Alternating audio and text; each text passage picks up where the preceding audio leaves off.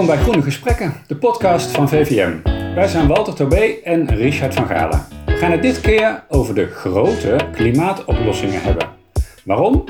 Van 2 tot 4 maart 2021 organiseert VVM het grote Klimaatoplossingen-congres.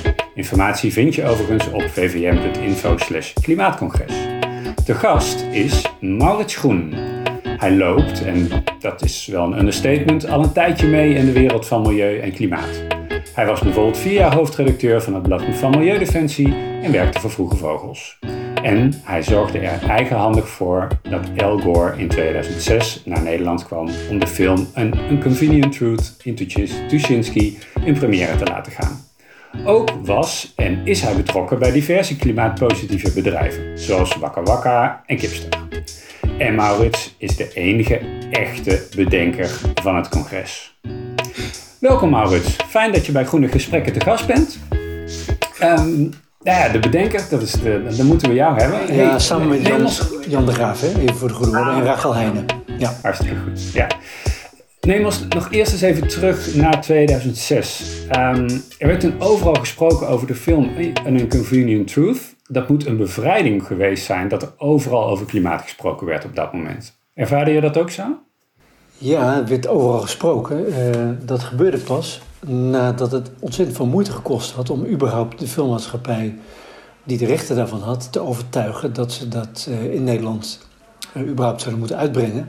Anders dan alleen in een achterafzaaltje voor de milieuhygiëne studenten in Wageningen. Dat was echt, ze waren er totaal niet van plan. Dus ik heb een, uh, toen gesprek gehad met de directeur van, uh, van die filmmaatschappij.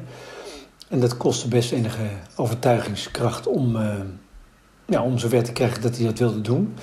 En toen wilde hij dat nog niet in een fatsoenlijke bioscoop. Maar ik zeg, ja, als je het echt allure wil geven, als je het echt op de agenda wil zetten, dan moet je dat in Tuschinski doen. En dat is de première bioscoop van Nederland. Prachtig, prachtig gebouw, prachtige zaal. En dan heb je überhaupt de mogelijkheid om mensen uh, geïnteresseerd te krijgen. En ja. zwaankleef aan, als de een dan komt, dan komt de ander ook wel. En gelukkig is dat gelukt. Ja, en dat was inderdaad uh, een moment waarop eigenlijk voor het eerst in Nederland klimaat op de agenda stond. En daarvoor, Groene, de Groene Amsterdammer, het weekblad, onvolprezen weekblad, heeft deze week een, een heel uitgebreid analyse artikel gemaakt naar aanleiding van onderzoek wat ze met een aantal journalisten gedaan hebben om te kijken uh, hoe de afgelopen 20 jaar over klimaat bericht is. En ze hebben, ik geloof, tegen de 40.000 artikelen geanalyseerd. Uh, en ze hebben dat in een grafiek gezet. En dan zie je dat tot 6 oktober 2006 er nauwelijks enige aandacht is voor klimaat. En dat het daarna echt als een raket omhoog stijgt. En dat heeft alles te maken met die première en met het verschijnen van de Nederlandse editie van dat boek. Ja, ja. daar was ik erg blij mee.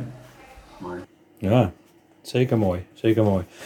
Um, El, Gore was natuurlijk um, een, een, een, hoogtepunt in de hele klimaatdiscussie. Hè. We, hebben, we gaan natuurlijk al eerder terug naar Kyoto, 1997. We hebben het Parijs-akkoord gehad in 2015.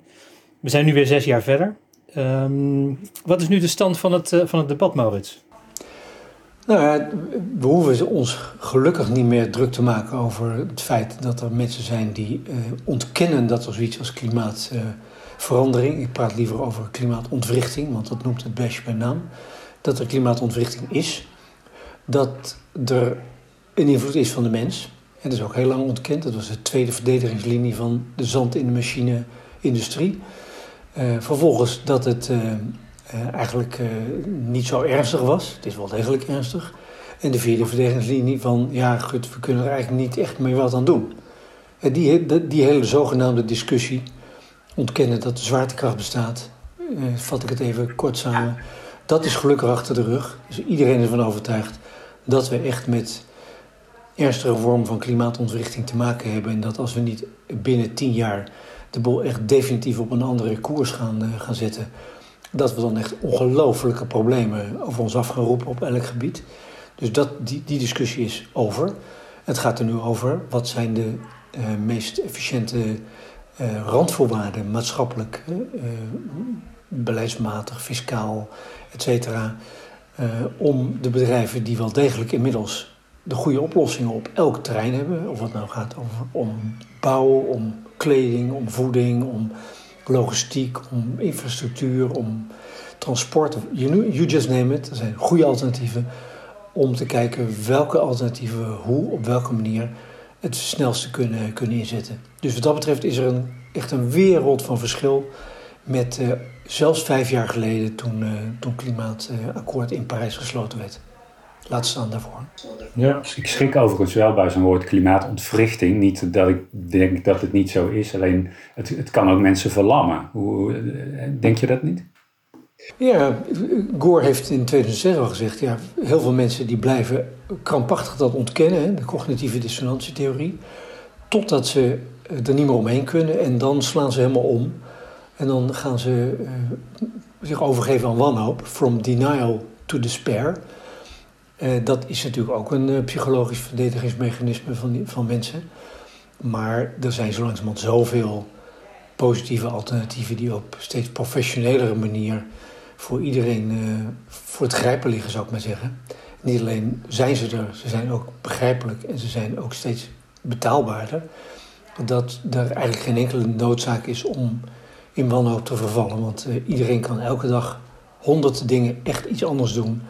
En uh, met 7,7 miljard mensen honderd dingen elke dag iets anders doen. Dan komen we echt compleet ergens anders uit dan de koers waar we nu op afstevenen. Maar dat klinkt heel, uh, heel positief, heel optimistisch ook. Um, en tegelijkertijd, als je kijkt naar de plannen die de regeringen wereldwijd hebben afgekondigd om te voldoen aan het Parijsakkoord, lijkt het er niet op dat we die 2 graden temperatuurstijging gaan halen. We zitten eerder richting, richting 3 graden, wat ja, toch een hele ernstige uh, situatie met zich mee kan brengen. Moeten we nou optimistisch of pessimistisch zijn in jouw ogen? Ik vind dat uh, of het een of het ander vind ik niet op zijn plek. We moeten gewoon leren genuanceerd te kijken. We zitten ruim boven de 1 graad. Uh, als alle plannen van alle 192 landen die in Parijs hun, hun credentials hebben neergelegd, als ze die allemaal uitvoeren en ook nog op tijd, dan komen we, is uitgerekend, nog steeds boven die 3 graden uit. Dat is natuurlijk uiterst ernstig. Hè? We zijn vijf jaar verder. de landen hebben absoluut niet gedaan wat ze toen van plan waren te doen. Uh, en het tempo ligt ook veel veel te laag. Dus ja, we gaan gewoon uh, royaal die drie graden overschrijden. Dus in dat opzicht ben ik helemaal niet zo positief. Maar het goede nieuws is wel dat, dat het schip van koers aan het, aan het veranderen is. En het betekent nogal wat hè, of je een, een rechter onderbeen afzet... of dat je allebei je armen en je benen afgezet krijgt. Dus het is een beetje een grove vergelijking. Maar we moeten alle hens aan dek zetten om de nog veel ernstiger gevolgen van klimaatontwrichting te voorkomen. Maar dat we te maken hebben en in toenemende mate krijgen met klimaatontwrichting, ja, dat is duidelijk. Dus we moeten, het is alleen maar aansporing om nog sneller, nog meer te doen. Ja, dat, uh, dat is duidelijk. Nou, in dat kader organiseer je ook dit, uh, dit congres, het grote Klimaatoplossingencongres. Nou, dat belooft wat met zo'n titel. Wat is de, de focus van dit congres? Nou, dat is eigenlijk uh, meerzijdig. In de zin van, het is bedoeld om mensen uh, de bigger picture te geven op elk gebied, op beleidsgebied. Jan van der Meer komt uitleggen hoe die op provinciaal niveau in Gelderland echt op basis van het boek Drawdown, dat kan ik iedereen aanbevelen, de top 100 oplossingen tegen klimaatontwrichting, echt een overdosis positivisme. Op elk terrein zijn er oplossingen denkbaar die het hele probleem kunnen tackelen en dan ook nog met een heel positief financieel resultaat. Dus Jan van der Meer heeft dat boek genomen als uitgangspunt voor het duurzaamheidsbeleid van, uh, van de provincie Gelderland. En hij gaat uitleggen hoe hij dat gedaan heeft en hoe dat concreet uh, neerslaat in regelgeving, in maatregelen, in stimulering, et cetera. Dus de bigger picture, dat gaat Piet Sprengers idem doen voor de financiële sector. ook daar zijn echt enorme veranderingen gaande waar Piet echt een flinke bijdrage heeft geleverd. Ook al werkt hij bij een uh, bescheiden bank als de ASM Bank. Die toch een voortrekker is.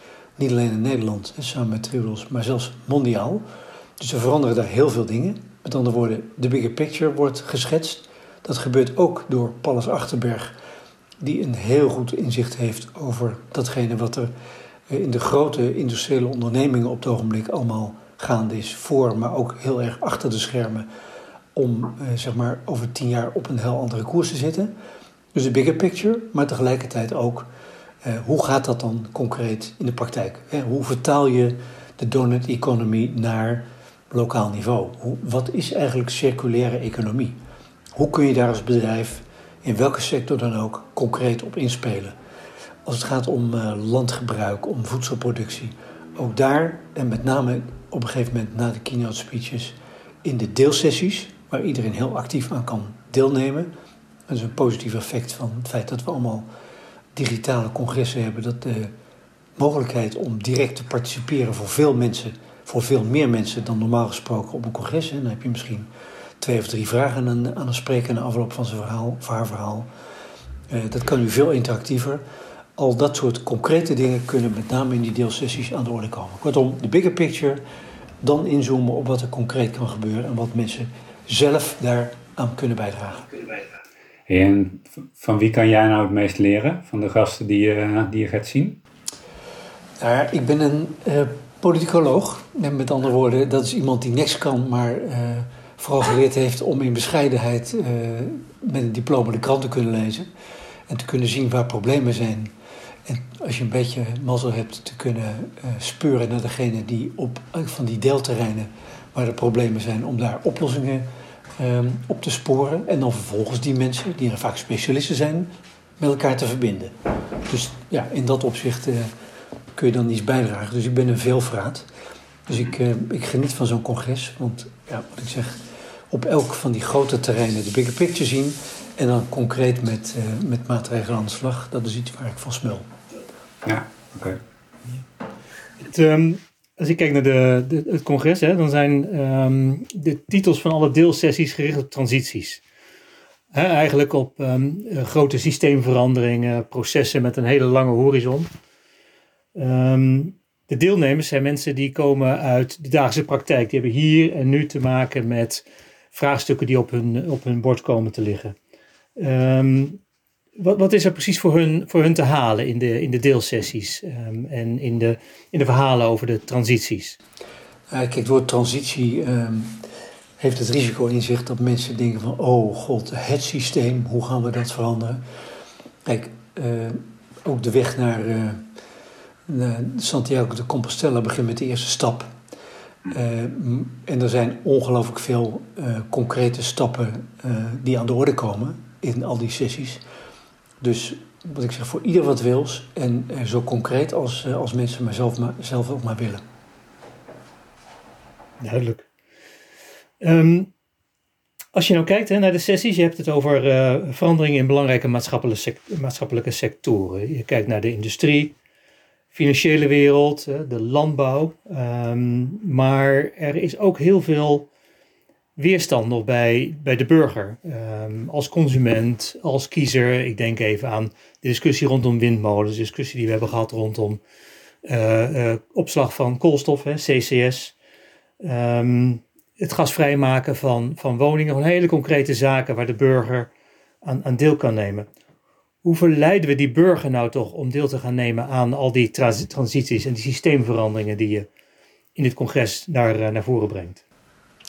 Uh, kijk, om te beginnen uh, zouden de spraakmakende types in Nederland, om te beginnen de politici, dit, dit probleem echt systematisch serieus moeten nemen. En we, hebben nu, we zitten nu minder nog steeds in, de, in die corona-ellende. Dat is een acuut gezondheidsbedreigend fenomeen. Waar we bereid voor zijn om heel, de hele economie, het hele land, anderhalf, twee jaar compleet voor op slot te gooien en in een andere koers te zetten de corona, hoe ellendig het ook is, dat is natuurlijk gewoon een minor detail. Als je het vergelijkt met de klimaatontwrichting en de gevolgen daarvan, de gevolgen van biodiversiteitsverlies, et cetera. Eh, het lastige is dat dat natuurlijk problemen zijn die pas heel geleidelijk aan en in heel veel verschillende gedaantes. En om te beginnen in Verwegistan uh, op ons bord komen als, eh, als mensheid.